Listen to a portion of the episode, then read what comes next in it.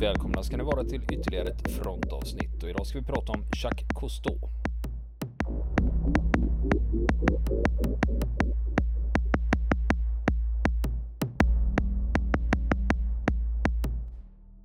Ja du Niklas, vi, eh, det är ju dags för Cousteau igen då. Ja, men nu eh, ska vi sy ihop säcken här. Var det tänkt när det gäller, när det gäller Cousteau och eh, vem han var och vad han gjorde. Eh, och eh, eh, vi berättade ju i förra avsnittet då hur han kom till Paris där efter att södra Frankrike hade ockuperats av, av tyskarna hösten 1942. Och eh, där hade han ju sina planer på att äntligen lösa det här problemet, dykproblemet som han hade. Hur kan man, skulle man kunna dyka med eh, lufttuber och kunna andas på ett eh, ganska obehindrat sätt? Ja, för han hade ju träffat en ingenjör där från Air Liquid. Exakt, exakt. Och eh, det, det, här var ju en, det här var ju en man som hette eh, Emile Gagnon som var eh, en piprökande man med glasögon, några år äldre än Cousteau själv. Och eh, som var expert på det här med ventiler och tryck och pys. Och eh, det var ju hans, eh, hans svärfar som hade ordnat så att han fick komma in på kontoret och träffa då den här personen. Eh, hans svärfar då som var amiral i franska flottan och styrelsemedlem eh, då i, eh, i Air Och eh, när, när Cousteau kommer in på Gagnons kontor så eh, förklarar han eh, hela sin dykhistoria för honom där med hur han har testat olika grejer och han har testat fridyk och hur han hela tiden stött på olika begränsningar och problem. Och han förklarar för Gagnon vad han ville att denne skulle eh, fixa åt honom eh, vad det var för typ av ventil. Och vad händer då? Jo, Gagnon, han vänder sig om i skrivbordsstolen, börjar rota i en hylla bakom honom och så plockar han fram en liten grej där och frågar kanske någonting i den här stilen? Och håller fram en liten pryl i bakelit som såg ut som ett rör ungefär, lite större än ett cigarettpaket. Och det är en ventil då som hade utvecklats för att mata in naturgas i förbränningsmotorer. Eh, I motorer då som använde, gick på gas istället för bensin. Ja, de fanns ju även på den tiden. Och eh, han tittar på det här, Cousteau och säger, ja, vad är det här liksom? Och, och eh, Gagnon förklarar för honom att den här den här eh, regulatorn skulle kunna användas då för att reglera in, mängden inandningsluft till en dykare baserat på hur hårt dykaren andades. Och det är alltså eh, samma princip sa han som i naturgas.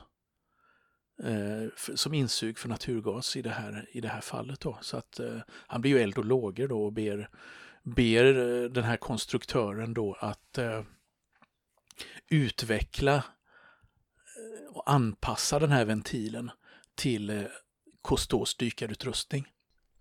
Jag kan ju förklara lite om svårigheterna med den här typen av ventiler när det gäller ja. tryckluft. Ja, jag det kör. Bygger ju, mm. Det bygger ju på att när du är uppe vid ytan då är det inte så mycket vattentryck. va?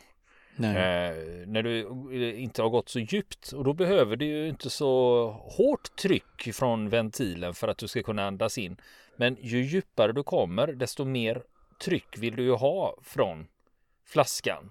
För flaskan i sig ligger ju på 200 eller 300 bar. Du behöver ju något som begränsar det på vägen. Mm, eh, Men samtidigt får du inte trycka på för hårt och det får inte trycka på för löst. Va? Och det är ju det som är det geniala här med att lösa mm. den här problematiken. Att ha en som då kan trycka på lite hårdare på större djup så du kan andas och som trycker lösare då på eh, lägre djup. Just det, precis.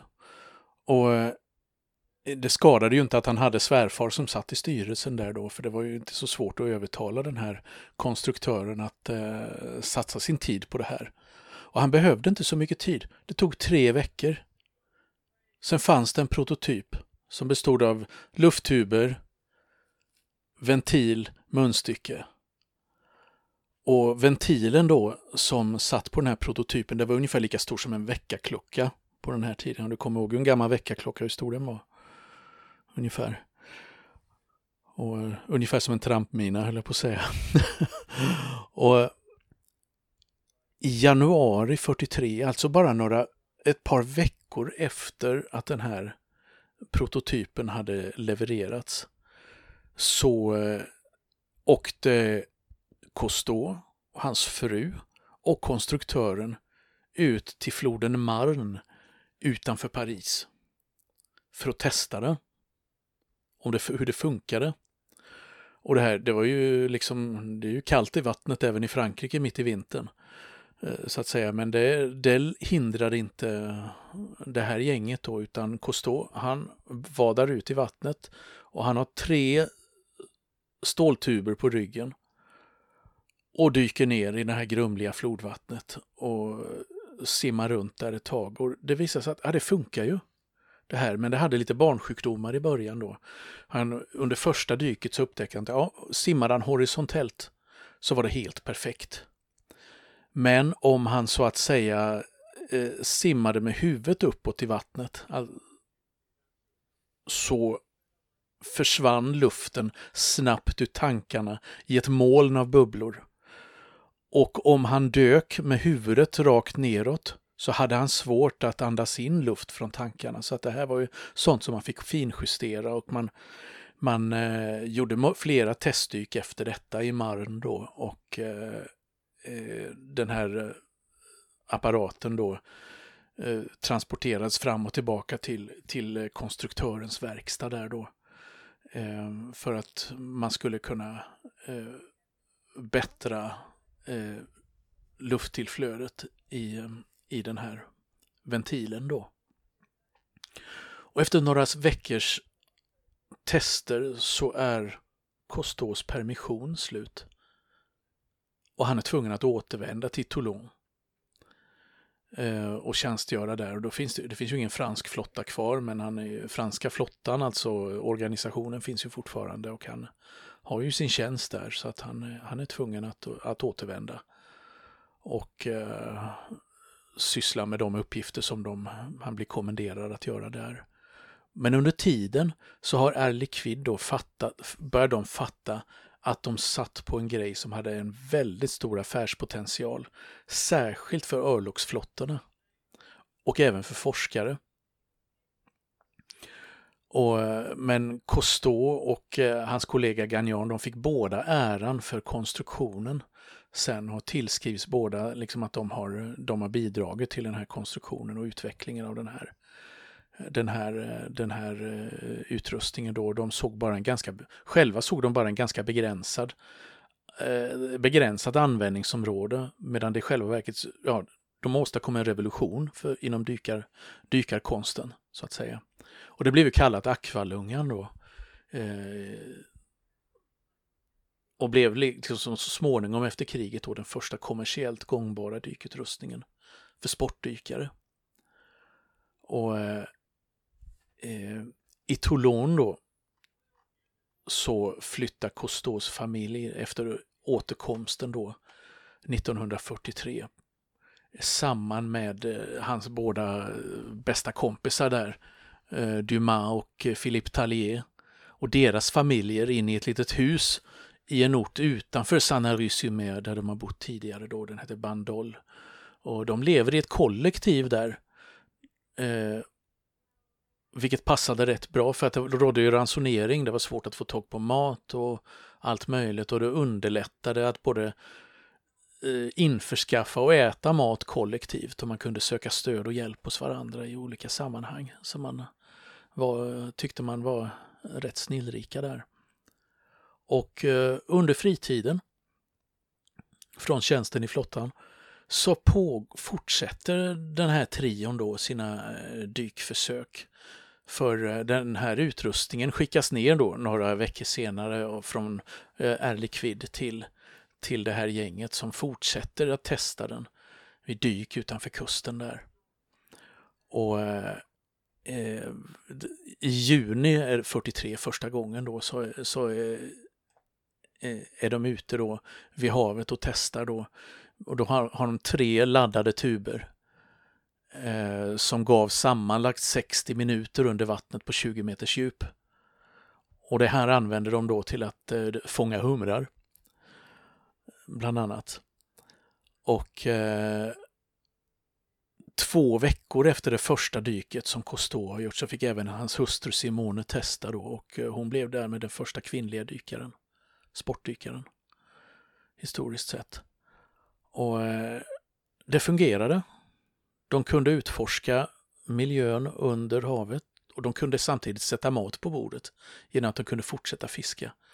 Och sen hade man ju den här, alla de här, eh, det här stora filmförrådet som Cousteau hade hamstrat då. Som gjorde att de, han fortsatte filma med den här under, eh, hemmasnickrade undervattenskameran då.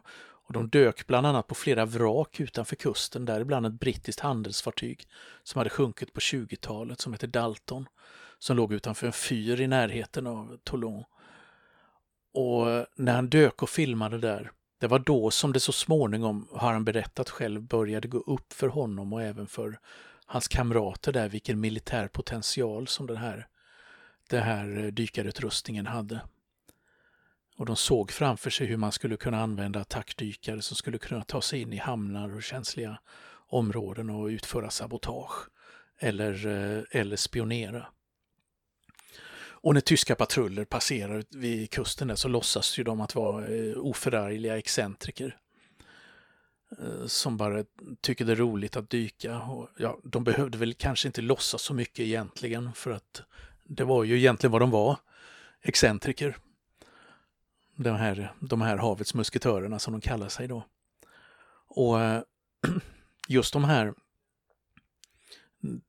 det här dykandet på vrak då, det blev ju också liksom en, eh, genera den första generationen av liksom eh, vrak, sportdykare som ägnar sig åt vrakdykning. Det inleddes ju med Cousteau det också. Och de filmar även flera andra vrak den sommaren 1943 och går ner alltså till eh, uppåt 70 meters djup som mest. Och där de börjar, och börjar så småningom upptäcka att eh, begränsningarna där, att de börjar få problem på de större djupen där då att med, med uh, syreblandningen och så vidare då att det sker flera kritiska olyckor som de lyckas, dock lyckas liksom komma ifrån med blotta förskräckelsen då så att mm. säga. Det är ju så med luft, mm. om man tar vanlig komprimerad luft och dyker med det mm. så blir ju den till slut giftig när du kommer för långt ner. Just det.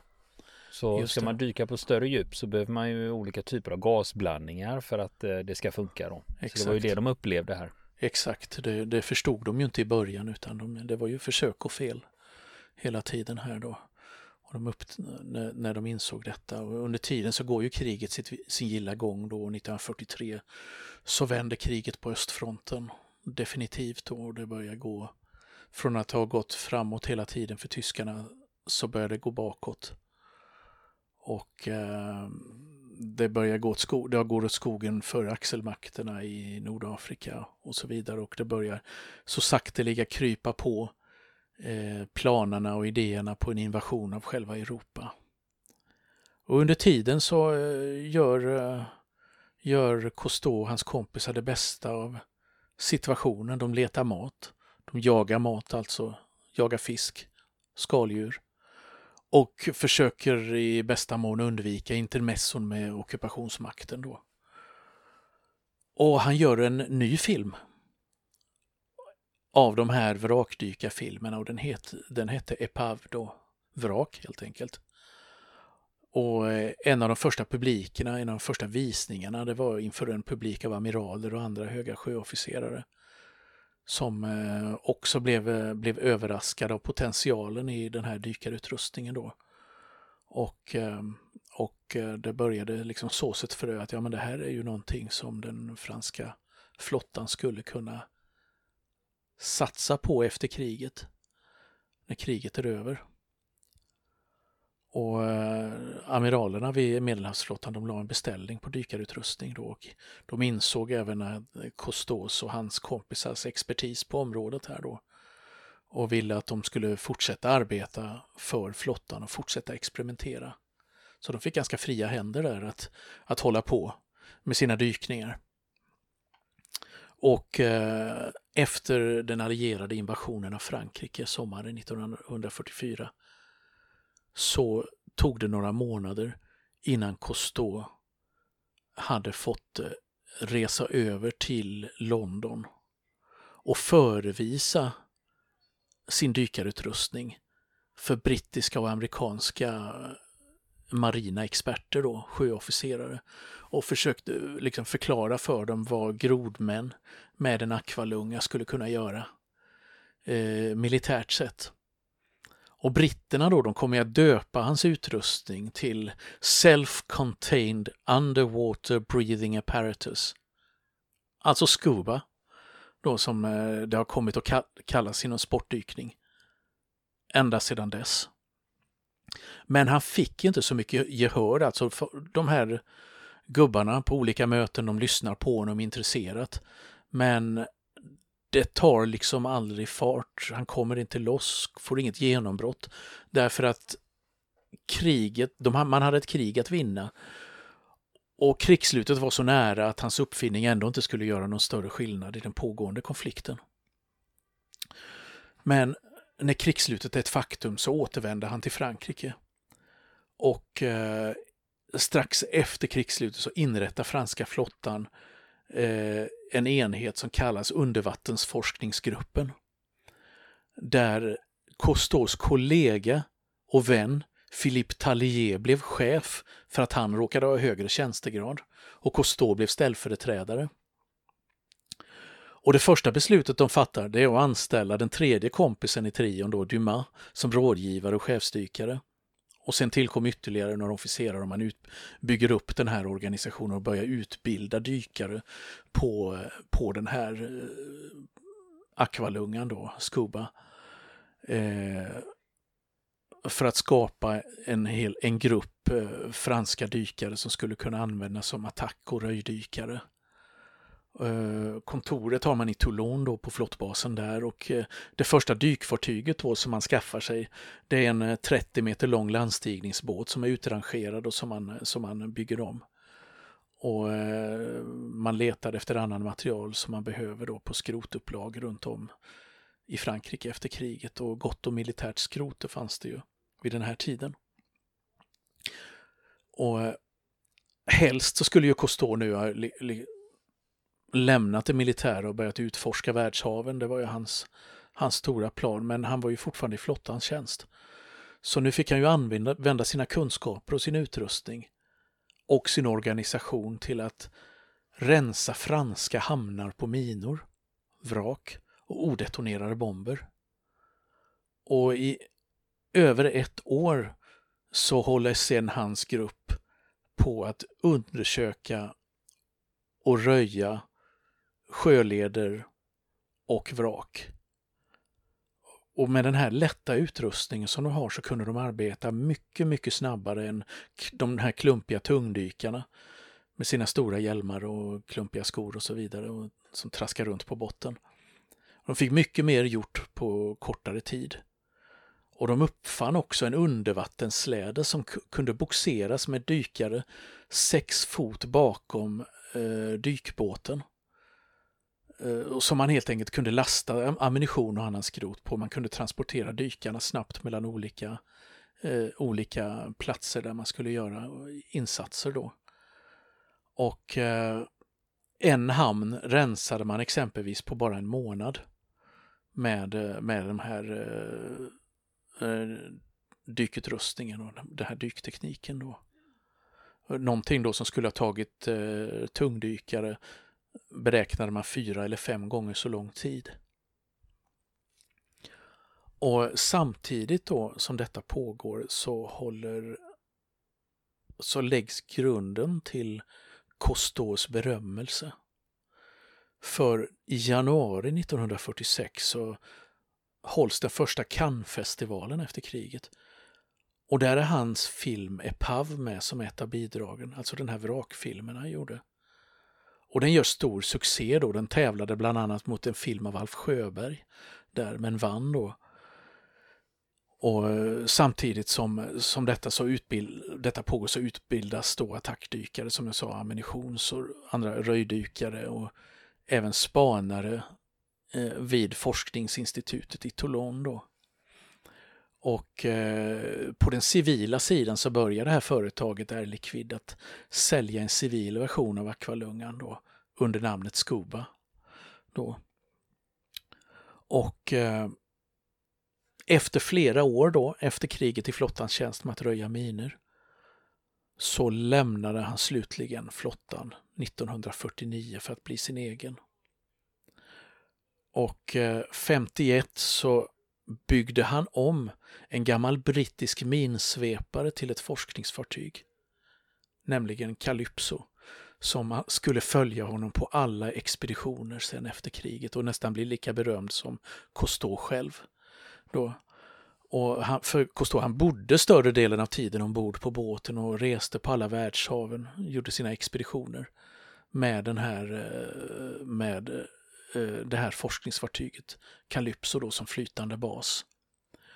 Och eh, om man ska säga något kort om den då så var det, det var ju en minsvepare som vi sa, den var byggd i USA under kriget, sjösatt 1942 och sen via Lend Lease-avtalet alltså låne och uthyrningslagen som det kallades då, så levererades den här till britterna då, hamnade i Royal Navy tjänst 43 i Medelhavet med bas på Malta.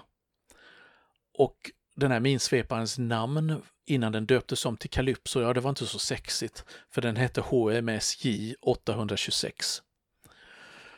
Och eh, i mitten av 90-talet så blev den skadad av en pråm i en fransk hamn och sjönk.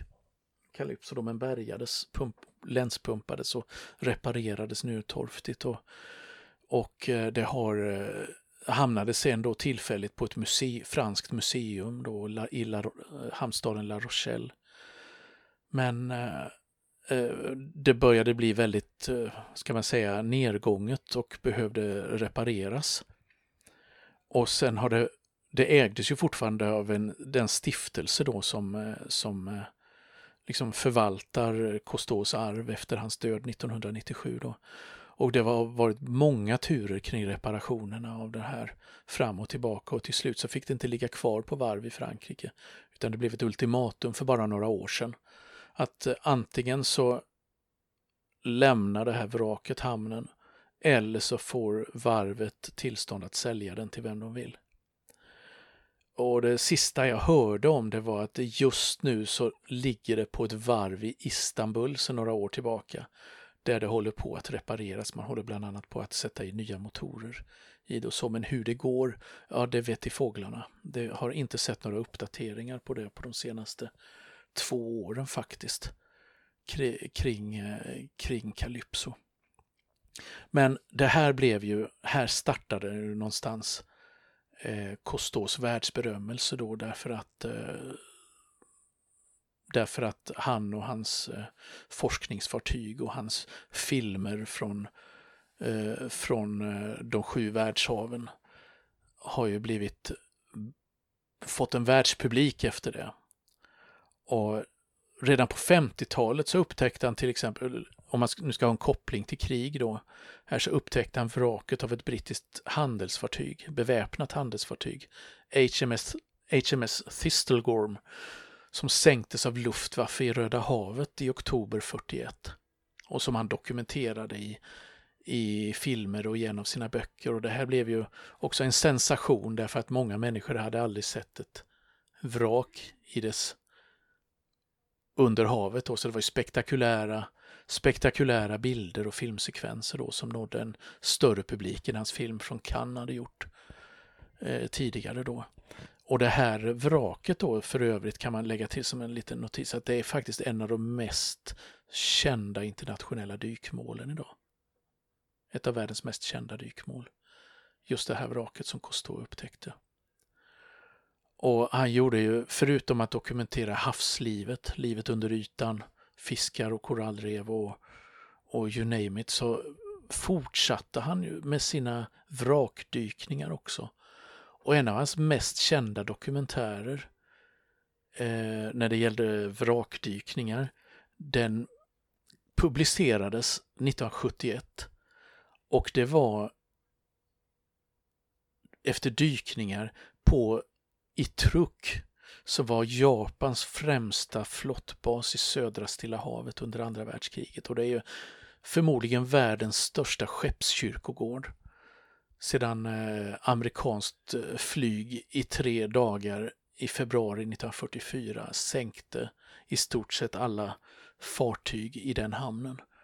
Och den filmen såg jag faktiskt, jag var inne här innan vi pratade och tittade lite på Youtube och den ligger faktiskt där. Den, den finns där, det är piratutlagd så att säga.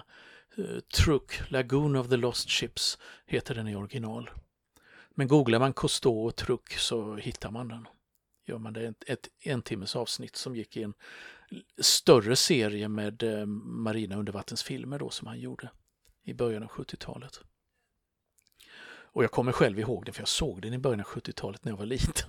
Och hade förläst mig på Tintin och Enhörningens hemlighet och, och Vasa och blivit jätteintresserad av vrak. Och sen kommer den här filmen som, ja, det, det, var ju nästan så att det gick en säkring i huvudet då. Och man tänkte att, ja, men, att man skulle bli dykare för att kunna uppleva samma saker som Cousteau hade, hade upplevt då. Men det måste ju också mm. vara lite åt andra hållet för jag är övertygad om att Hergé hade sett Cousteaus filmer för att kunna skildra den undervattensvärlden på det viset? Det är nog, det kan man nog vara rätt säker på. Det är bara ett antagande ja, från Ja, visst. Ja, precis. Men jag tror eh, det, det låter fullt rimligt tycker jag. Att eh, det var att han har fått, eh, fått inspiration ifrån Cousteau, så att säga. Och genom alla de här filmerna gjorde han blev ju oerhört populär och nästan ett nationalhelgon i Frankrike och det är många som försvarar hans ära fortfarande idag, inte minst eh, Cousteaus egen stiftelse då. Men det har ju kommit fram saker då efteråt, efter hans bortgång då, som eh, kastar en viss skugga över honom också. För ingen är väl helt utan, liksom, eh, ingen är väl fläckfri och inte Cousteau heller. Och eh, ett av de mest kända sakerna, det var känt långt före eh, Cousteaus bortgång, är ju att hans bror var nazisympatisör och en av Frankrikes mest framträdande antisemiter. Han hette Pierre-Antoine Cousteau och ledde en eh, antisemitisk tidning i Paris under kriget. Och eh, kollaborerade då med ockupationsmakten och eh, satt flera år i fängelse för det efter kriget då efter en rättegång där eh, Jacques Cousteau vittnade till sin brors fördel iförd sin marinuniform med alla dekorationer på, men det hjälpte som sagt inte då. Och han kom alltid att försvara sin bror i vårt och torrt. Efter detta då. Och en person som har skrivit en biografi över honom, en fransk, en fransk författare, som heter Bernard Violet då han har också framfört misstankar om att även Cousteau, Jacques Cousteau verkar ha varit antisemit. För han har grävt fram då ett brev från eh, våren 1941 som Cousteau skrev till bäste vännen Philippe Tallier. Och där han klagar på hur svårt hans familj har att hitta husrum i Marseille på grund av alla judar som finns där.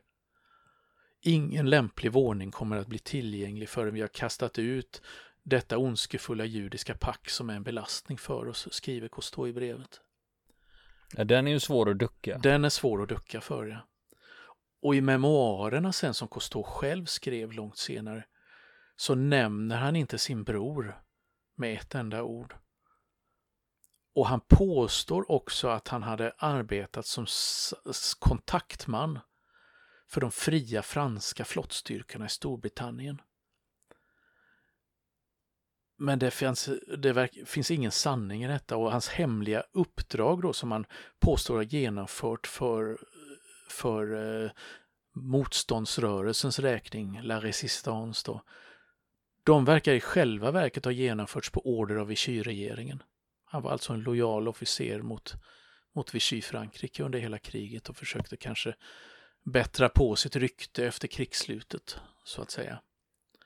Och den första undervattensfilmen som han eh, som påstod han kom ut först efter kriget, det var ju den här eh, 18 meter under ytan som han hade, hade gjort, den allra första.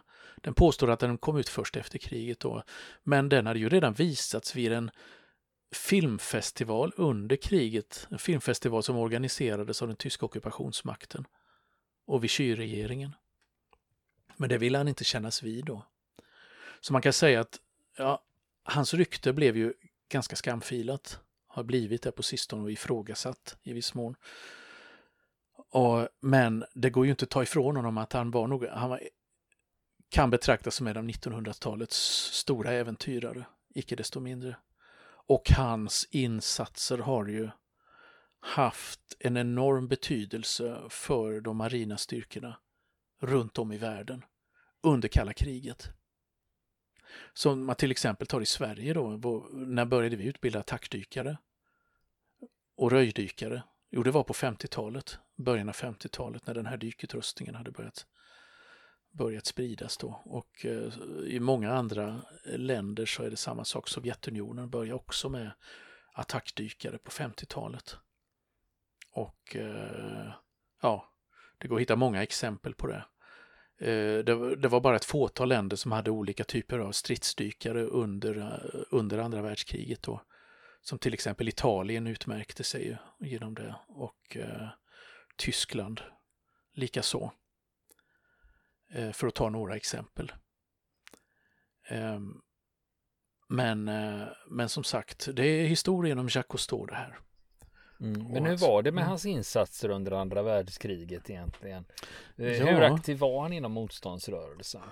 Ja, det är alltså, det är ju det som har dragits i tvivelsmål att eh, det inte hade något med motståndsrörelsen att göra. Och eh, det återstår väl att utforska det här lite mera, men vad som det, de dokument som har kommit fram hittills verkar ju snarare peka på att eh, han gjorde ingenting åt motståndsrörelsen. Han arbetade snarare åt Vichy-Frankrike som inte gillade, för han spionerade ju på italienska militära styrkor i södra Frankrike. Den italienska ockupationsmakten i södra Frankrike. Och Vichy-Frankrike var ju så att säga underdånigt Tyskland. Men Italien gillade man inte, utan, utan eh, det, där såg man ju som ett direkt hot. Eh, och det var ju den stora konkurrenten för övrigt med den italienska flottans överhöghet hade ju varit före kriget också. Det var ju Italien. Det var ju Medelhavet man hade sina, sin, eh, sin, eh, sitt fokus riktat mot och därför fortsatte man i samma spår i Vichy-Frankrike som man hade gjort före kriget, nämligen att betrakta Italien som huvudfienden. Så att det var inte så konstigt att, eh, att han skulle ha fått order av, eh, av den franska Vichy-trogna flottan att eh, spionera mot Italien. Det är absolut inget orimligt i det. Är det inte. Men som sagt, det återstår väl att forska mer om det och eh, vi får hoppas att det kommer fler, fler eh, biografier om Jacques Cousteau som eh, inte bara är hyllningsporträtt för att en stor del av av de biografier som finns på marknaden idag är eh, nästan helgon eh, berättelser om Jacques Cousteau och hans, eh, hans eh, insatser för eh, forskning, dykning och eh, miljön. Han blev ju en stor klimatguru under sina sista levnadsår och pekade på klimathotet och så redan på sin tid och vad han kunde se under vattnet i det marina livet. Mm. Eh, du, nu måste mm. jag eh, kläcka ur med det här. Jag har suttit och tänkt på det hela tiden när vi har pratat om det här. Mm. Och det, det, är ju det här att eh, Aqualung, som du säger, mm. Aqualungen, det är ju också en låt av Jethro Tull. Ja, det kan... just det, just det. Det har du ju rätt i. Har ja. den, är den inspirerad av Cousteau tror du? jag vet jag får nog gå tillbaka och lyssna på den, nu var det några år sedan så jag kommer inte ihåg texten riktigt. Men... så, medan, som, så medan jag har suttit här så har du eh, och pratat om Cousteau har du tänkt på Jethro Tull alltså? Det är det vad du säger? ja, ja. ja. Eh, men du, det finns ju en film om eh, Jacques Cousteau en liten biopic som det heter på engelska som heter Schack, havets utforskare. Den kom 2016 mm. och originaltiteln är Laodicé, alltså mm. resan. Ja, just det. Så det kan väl, jag har sett några minuter av den eh, här om året men eh, man kan, nu har mitt Cousteau-intresse vaknat här nu så mm. att eh, man kanske skulle börja ta tag i det där. Just det, just det. Absolut, och jag kommer lägga ut några lästips också på Frontens eh, Facebook-sida. Eh, om man vill läsa, läsa vidare om, om Cousteau och eh, om stridsdykare. Mm, och det här, med, det här med olika typer av stridsdykare är mm. ju intressant. Ja, eh, absolut. Tycker jag i alla fall. Absolut. Tycker det är spännande. Absolut, och just eh, eh, något som jag är extra intresserad av det, det är just den italienska sidan. För att där var de riktigt duktiga på det här och hade stora framgångar i krigföringen i, eh, i Medelhavet under andra världskriget. Och eh, där finns några operationer som eh, förtjänar att bli ett frontavsnitt. Så att det får vi återkomma till. Ja, det var faktiskt det jag tänkte säga. Just när vi pratar om italienska taktiker, då tänkte fan ja. det borde vi göra ett avsnitt om. Ja. ja, men du hann först då. Great minds think alike. Ja. Mm. Vill ni komma i kontakt med oss så kan ni göra det via vår Facebook-sida som heter Fronten. Det är inga problem för er att leta er fram där. Eller också så mejlar ni på vår mejladress och det är frontenpodcast.gmail.com.